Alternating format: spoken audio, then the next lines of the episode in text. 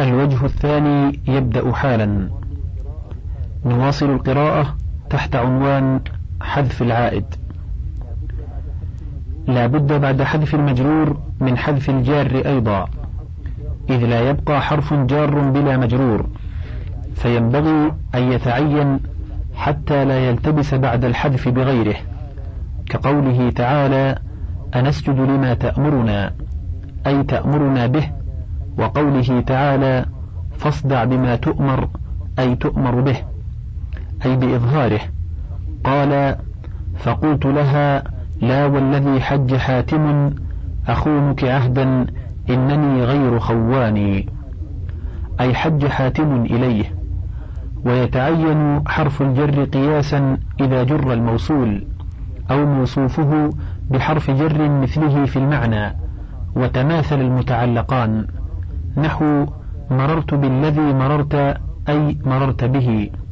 فالجاران متماثلان وكذا ما تعلق بهما. ومثال الموصوف مررت بزيد الذي مررت. وربما بحذف المجرور بحرف وإن لم يتعين نحو الذي مررت زيد أي الذي مررت به. وإن احتمل مررت معه أو له أو نحو ذلك. ومذهب الكسائي في مثله التدريج في الحذف وهو أن يحذف حرف الجر أولا حتى يتصل الضمير بالفعل فيصير منصوبا فيصح حذفه. ومذهب سيبويه والأخفش حذفهما معا إذ ليس حذف حرف الجر قياسا في كل موضع. والمجوز له ها هنا استطالة الصلة ومع هذا المجوز فلا بأس بحذفه مع المجرور به. وأما الضمير المرفوع فلا يحذف إلا إذا كان مبتدأ إذ غير ذلك إما خبره وكون الضمير خبرا لمبتدأ أقل, أقل بقليل.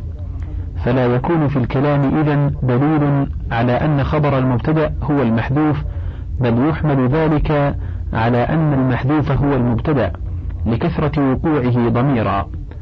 وإما فاعل فلا يجوز حذفه أو خبر إن وأخواتها ولم يثبت حذفه إلا قليلا.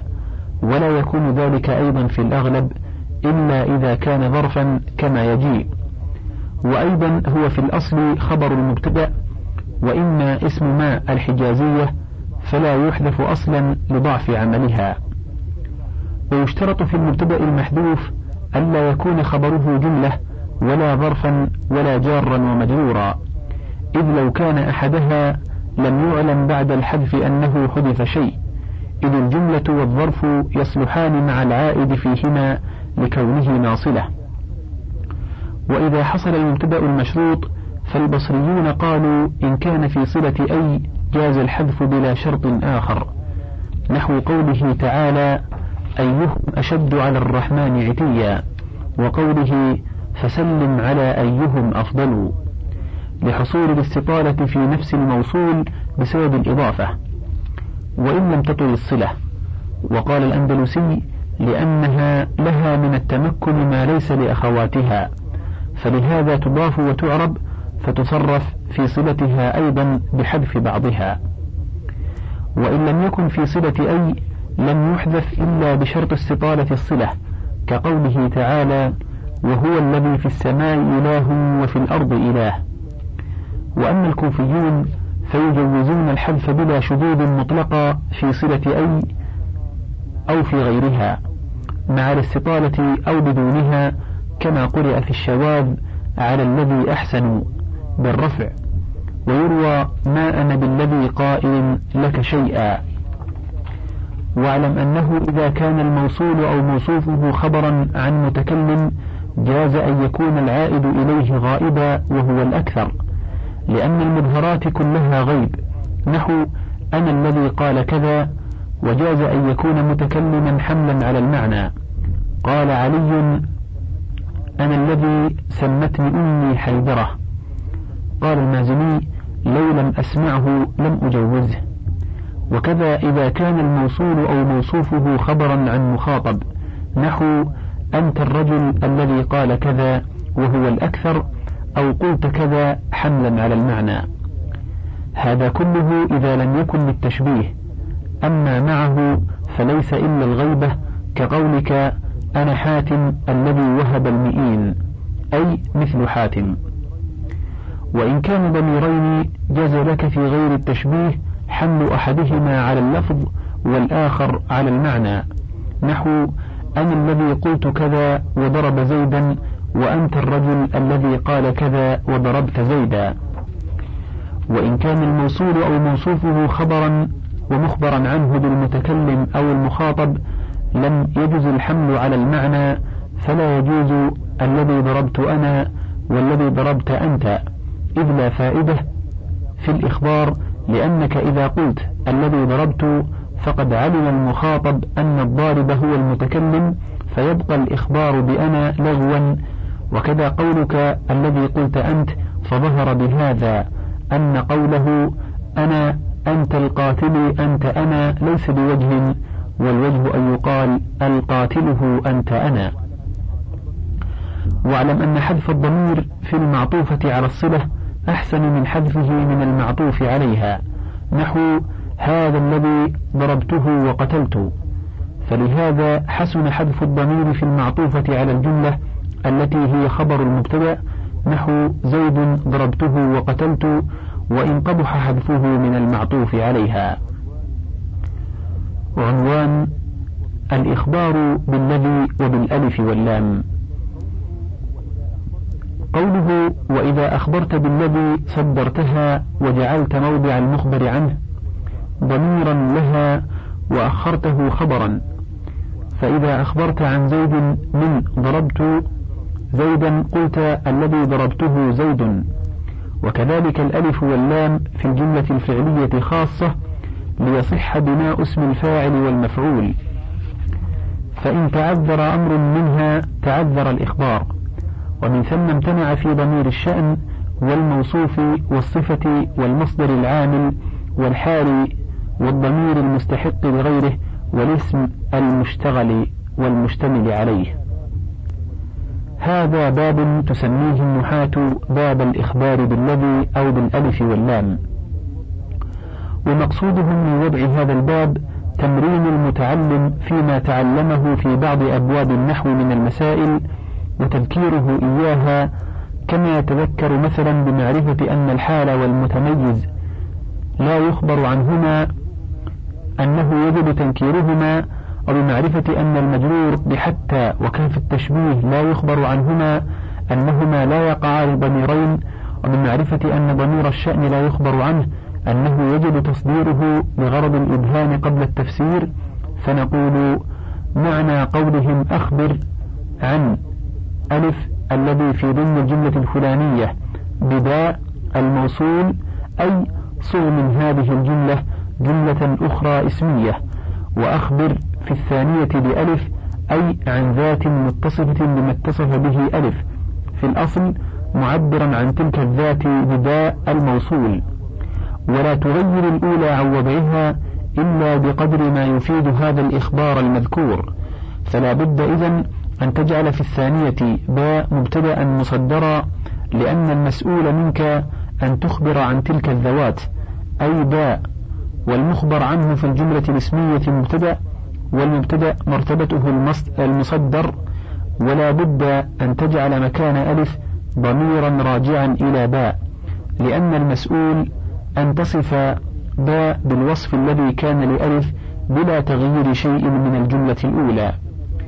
ولم يمكن أن يكون باء مكان ألف لتصدر باء فإن باء مبتدأ فلا بد أن يكون نائبه وهو الضمير العائد إليه مكان ألف. ولا بد أن تؤخر ألف في الجملة الثانية خبرا لأن المسؤول أن تخبر عن باء بألف ورتبة الخبر عن الموصول بعد تمام الموصول بصلته.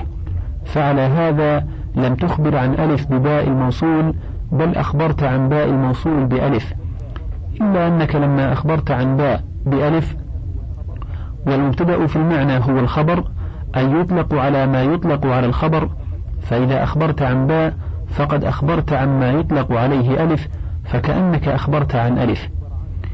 وإنما ذكرت المخبر عنه باسم ألف دون باء لأن ألف هو المذكور في الجملة الأولى التي هي المصوغة المفروغ منها. المعلوم أجزاؤها دون باء فألف هو المشهور قبل صوغ الثانية. وأما قولك في السؤال بباء الموصول فليس معناه اجعل باء مخبرا به. بل الباء فيه للاستعانة كما في قولك كتبت بالقلم. إذ المعنى أخبر الإخبار المذكور بأن تجعل باء الموصول مبتدأ. ومثال ذلك أن يقول العالم للمتعلم ليدربه أو ليجربه أخبر عن زيدا من قولك ضربت زيدا بالذي. فالمعنى اجعل الذي مبتدأ خبره زيد واجعل تلك الجملة الأولى وهي ضربت زيدا صلة للذي بلا تغيير شيء منها إلا أن تجعل مكان زيدا ضميرا عائدا إلى الذي وتؤخر زيدا خبرا عن الذي فتقول الذي ضربته زيد. فالفرق بين الجملة الأولى والثانية أنك إذا قلت ضربت زيدا فربما تخاطب به من لا يعرف أن لك مضروبا في الدنيا. وربما تخاطب به من يعرف شخصا بمضروبيتك لكنه لا يعرف أنه زيد. وأما قولك الذي ضربته زيد فلا تخاطب به إلا على الوجه الثاني أي تخاطب به من يعرف أن لك مضروبا لأن مضمون الصلة يجب أن يكون معلوما للمخاطب كما ذكرنا. ولكن لا يعرف أنه زيد إذ لو عرف ذلك لوقع الإخبار عنه بأنه زيد ضائعا فالجملة الثانية مس في المحتمل الثاني للجملة الأولى. قوله صدرتها أي جعلت الذي في الصدر مبتدأ قوله وأخرته خبرا نصب على الحال أو ضمن أخرته معنى جعلته أي جعلته خبرا متأخرا. قوله وكذلك الألف واللام في الجملة الفعلية. لا تخبر بالألف واللام إلا عن اسم في الجملة الفعلية خاصة. قوله ليصح بناء اسم الفاعل أو المفعول منها. قد ذكرنا أن صلة الألف واللام اسم فاعل أو مفعول. وذلك لأنه يمكن أن يسبك من الجملة الفعلية اسم فاعل مع فاعله إذا كان الفعل مبنيا للفاعل. إذ معنى اسم الفاعل مناسب للمعنى فعل ويفعل نحو زيد ضارب أي ضرب ويضرب. أو اسم مفعول مع مرفوعه إذا كان الفعل مبنيا للمفعول إذ معنى اسم المفعول مناسب لمعنى فعل ويفعل. نحو زيد مضروب أي ضرب أو يضرب. وليس شيء من اسم الفاعل والمفعول مع مرفوعهما بمعنى الجملة الاسمية حتى يسبك منها أحدهما مع المرفوع بلى هما مع مرفوعيهما جملتان اسميتان في نحو أضارب الزيدان وما مضروب البكران لكن في أولهما حرفان يمنعان من وقوعهما صلة للام كما سيجيء بعيد. ويجب أن يكون الفعل الذي يسبك منه صلة الألف واللام متصرفا إذ غير المتصرف نحو نعم وبئس وحبذا وعسى وليس لا يجيء منه اسم فاعل ولا مفعول. فلا يخبر باللام عن زيد في نحو ليس زيد منطلقا. ويجب ألا يكون في أول ذلك الفعل حرف لا يستفاد من اسم الفاعل والمفعول معناه كالسين وسوف وحرف النفي والاستفهام. قوله فإن تعذر أمر منها أي أمر من الأمور الثلاثة وهي تصدير الموصول ووضع عائد إليه مقام ذلك الاسم وتأخير ذلك الاسم خبرا. فبالشرط الأول وهو تصدير الموصول يتعذر الإخبار عن كل اسم في الجملة الإنشائية والطلبية لأن الصلة كما تقدم لا تكون إلا خبرية. ويتعذر أيضا عند الكوفيين الإخبار بالذي عن اسم في جملة مصدرة بالذي. لأنهم يأبون دخول الموصول على الموصول إذا اتفقا لفظا. أما قوله من النفر اللاء الذين إذا هم يهاب اللئام حلقة الباب قعقعوا فيروونه من النفر الشم الذين. والأولى تجويز الرواية الأولى لأنها من باب التكرير اللفظي كأنه قال من النفر اللائي اللائي. فإن تغاير نحو الذي من فعل كان أسهل عندهم. قال ابن السراج دخول الموصول على الموصول لم يجئ في كلامهم وإنما وضعه النحاة رياضة للمتعلمين وتدريبا لهم نحو الذي الذي في داره عمرو زيد. فقولك في داره صلة الذي الأخير وعائده مستتر في الظرف وعمر خبر الذي الأخير والذي الأخير مع صلته وخبره صلة. وعائد الأول الهاء المجرور في داره وزيد خبر الذي الأول كأنك قلت الذي ساكن في داره عمرو زيد. وتقول الذي التي اللذان أبواهما قاعدان لديهما كريمان عزيزة عنده حسن. تبتدئ بالموصول الأخير فتوفيه حقه من الصلة والعائد والخبر لاستغنائه ما في حيزه عما قبله واحتياج كل ما قبله إليه لكونه من صلته. فتقول أبواهما قاعدان صلة اللذان وعائده الضمير المجرور في أبواهما وخبره كريمان وهذه الجملة أعني اللذان مع صلته وخبره صلة التي والعائد إلى التي من صلته الضمير المجرور في لديها.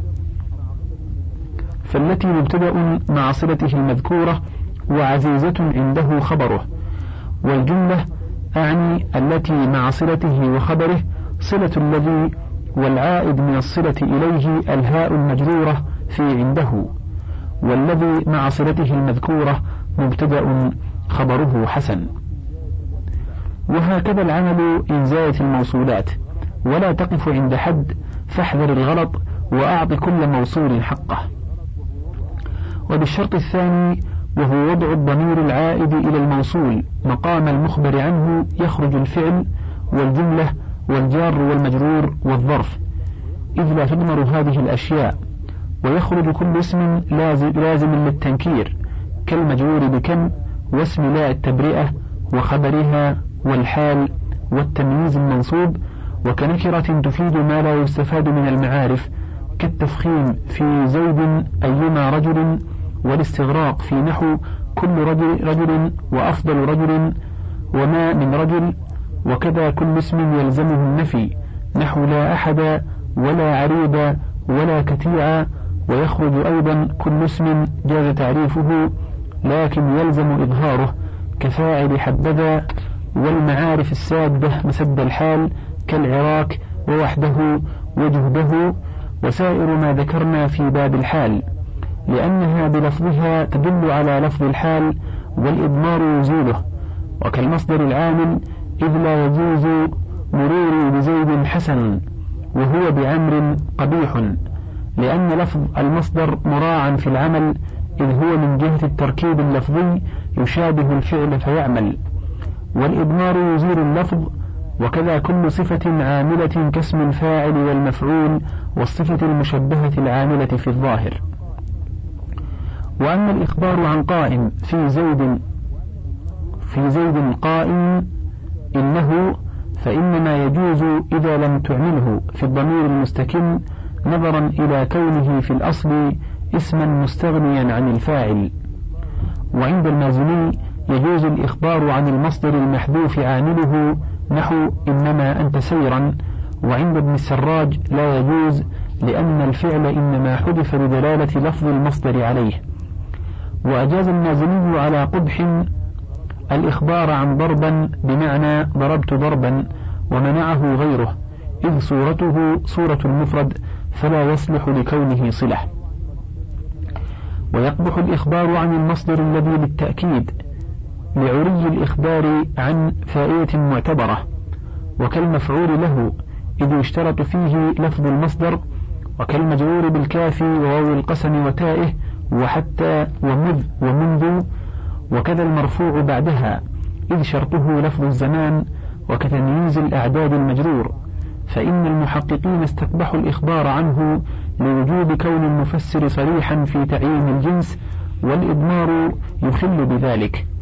وبعضهم جوزه نحو الذي هذا مئته الدرهم وكالمقادير المبهمة المفسرة بما بعدها نحو راقود خلا وعشرون درهما. فإن ألفاظها معتبرة وكالمضاف دون المضاف إليه إذ المضمر لا يضاف وكالموصوف بدون الصفة وكالصفة بدونه بدونه وكالموصول بدون صلته وكصلة اللام بدون الموصول إذ لفظها شرط. وأما البدل والمبدل منه فبعضهم لا يجوز الإخبار عن أحدهما وحده بل عنهما معا كالصفة والموصوف. قال لأن البدل مبين كالصفة فلا يفرد من المبدل منه. وأيضا تخلو الصلة من العائد في نحو جاءني زيد أبوك إن أخبر عن البدل عند من يجعل البدل في حكم تكرير العامل. وبعضهم أجاز الإخبار عن كل واحد منهما. فالأول تقول في مررت برجل زيد مخبرا عنهما الذي مخبرا عنهما الذي مررت به رجل زيد. والثاني تقول مخبرا عن المبدل منه الذي مررت به زيد رجل ومخبرا عن البدل ومخبرا عن البدل الذي مررت برجل به زيد بإعادة الجار لأن المجرور لا منفصل لا منفصل له ويجوز أن تقول برجل هو واضعا المرفوع مقام المجرور. والمجوزون اختلفوا في بدل البعض والاشتمال فأجازه الأخفش إذ الضمير نفس ما بعده ومنعه الزيادي إذ الضمير لا يدل على البعض والاشتمال قبل أن يذكر خبر الموصول. وكخبر عسى وأخواتها وكألفاظ التأكيد في الأشهر إذ تلك الألفاظ معتبرة في إفادة التأكيد. وأيضا يبقى خبر الموصول تأكيدا بلا مؤكد وكعطف البيان دون المعطوف وكالمضاف إليه من الكنى والأعلام للأناسي وغيرها كأبي القاسم وامرئ القيس وابن آوى وابن عرس وابن قترة وابن مقرض وأم حبين وسام أبرص إذ المضاف إليه في مثلها صار بالعلمية كبعض حروف الكلمة. وكذا قزح في قوس قزح وككل جزء من جزئي المركب نحو بيت بيت وخمسة عشر وبعل بك وكمنذ ومذ فإنهما لا يضمران. وكذا كل ظاهر قام مقام الضمير في نحو الحاقة ما الحاقة وقوله لا أرى الموت يسبق الموت شيء نغص الموت ذا الغنى والفقيرا مما إظهاره يفيد التفخيم ومنع بعضهم الإخبار عن خبر كان والأصل جوازه لأنه كخبر المبتدأ. ويخرج أيضا ما جاز إضماره لكن الضمير لا يعود إلى ما تقدم من الموصول كالمجرور برب وفاعل نعم وبئس وأخواتهما. فإن هذه الضمائر لا تجيء إلا مبهمة مميزة بما بعدها. وكذا كل ضمير مستحق لغيره أي استحقه غير الموصول كالضمير في زيد في زيد ضربته وفي زيد ضرب وفي زيد قائم. إذ المبتدأ استحق الضمير من هذه الأخبار. فلو قلت الذي زيد ضربته هو فإن بقي الضمير كما كان راجعا إلى زيد لم يجز لأننا قلنا يجب أن يكون أن يقوم مقام المخبر عنه ضمير عائد إلى الموصول. وأيضا تبقى الصلة خالية من عائد إلى الموصول. وقولك هو في الأخير ليس في الصلة بل هو خبر الموصول. وإن جعلناه عائدا إلى الذي بقي خبر المبتدأ وهو جملة خاليا من عائد إلى المبتدأ. وقولك هو في الأخير ليس في حيز خبر زيد. وقوله والاسم المشتمل عليه أي الاسم الذي أحد جزئيه ضمير مستحق لغير الموصول كغلامه في زيد ضربت غلامه. فإن المضاف مع المضاف إليه أعني لفظ غلامه مشتمل على الهاء التي استحقها المبتدأ. قوله عليه أي على الضمير المستحق لغيره قيل إن استغنى بضمير جاز الإخبار عن ضمير آخر وإن رجع إلى ذلك المبتدأ وذلك كما في زيد في زيد ضاربه أخوه جاز لك الإخبار عن أي ضمير شئت منهما. وقال الأندلسي لا يجوز ذلك لا لعدم رجوع عائد من الصلة إلى الموصول بل لعدم فائدة في الخبر لم يفدها المبتدأ. لأن في قولك زيد ضاربه أخوه هو لفظ هو يرجع إلى زيد لأنه ضميره وقد أخر وزيد مذكور في الصدر فلا يكون في ذكر ضميره فائدة. وليس ما قال بشيء لأن ذكر زيد في الصدر لا يجعل المبتدأ الذي هو الموصول نصا في زيد حتى يخلو الإخبار بزيد عنه من الفائدة. بيان ذلك أنك إن أخبرت عن هاء ضاربه يكون المعنى الذي ضاربه أخو زيد زيد. فقد عرفنا بالمبتدأ بل عرفنا بالمبتدأ أنها هنا شخصا هو مضروب أخي زيد. فيجوز أن يكون ذلك الشخص زيدا وغيره. فقولك إذا في الخبر زيد فيه فائدة مجددة وهي أن زيدا مضروب مضروب أخيه دون عمل وغيره. وكذا إن أخبرت عن هاء أخوه يكون المعنى الذي ضارب زيد أخوه زيد. فمضمون الصلة الذي يجب أن يكون معلوما للمخاطب أنها هنا شخصا أخوه ضارب زيد فيستفيد من الخبر أن ذلك الشخص نفس زيد. وقال صاحب المغني لا يجوز الإخبار عن أحد الضميرين. لأن عودهما على المبتدأ سابق على استحقاق الموصول لهما ويتوقف المبتدأ على ارتباطهما به كارتباط الضمير الواحد. وليس أيضا بشيء إذ لا يلزم بقاء ما عاد إليه الضمير المخبر عنه بعد الإخبار على حالة على حالة قبل بدليل صحة الإخبار عن تاء ضربت ونحوه ولا يتوقف المبتدأ على ارتباط الضمير به بل يكتفي بأحدهما. فنقول الأولى جواز الإخبار عن كل واحد من الضميرين إذ لا مانع. وكذا يجوز الإخبار عن ضمير عائد إلى ما تقدم إن استغنى ذلك المتقدم عن ذلك الضمير بأن يكون الضمير في جملة ثانية بعد ذكر المفسر في جملة أولى لا تعلق لها بالثانية. كما تقول زيد أخوك ثم تقول قد ضربته فيصح الإخبار عنها ضربته.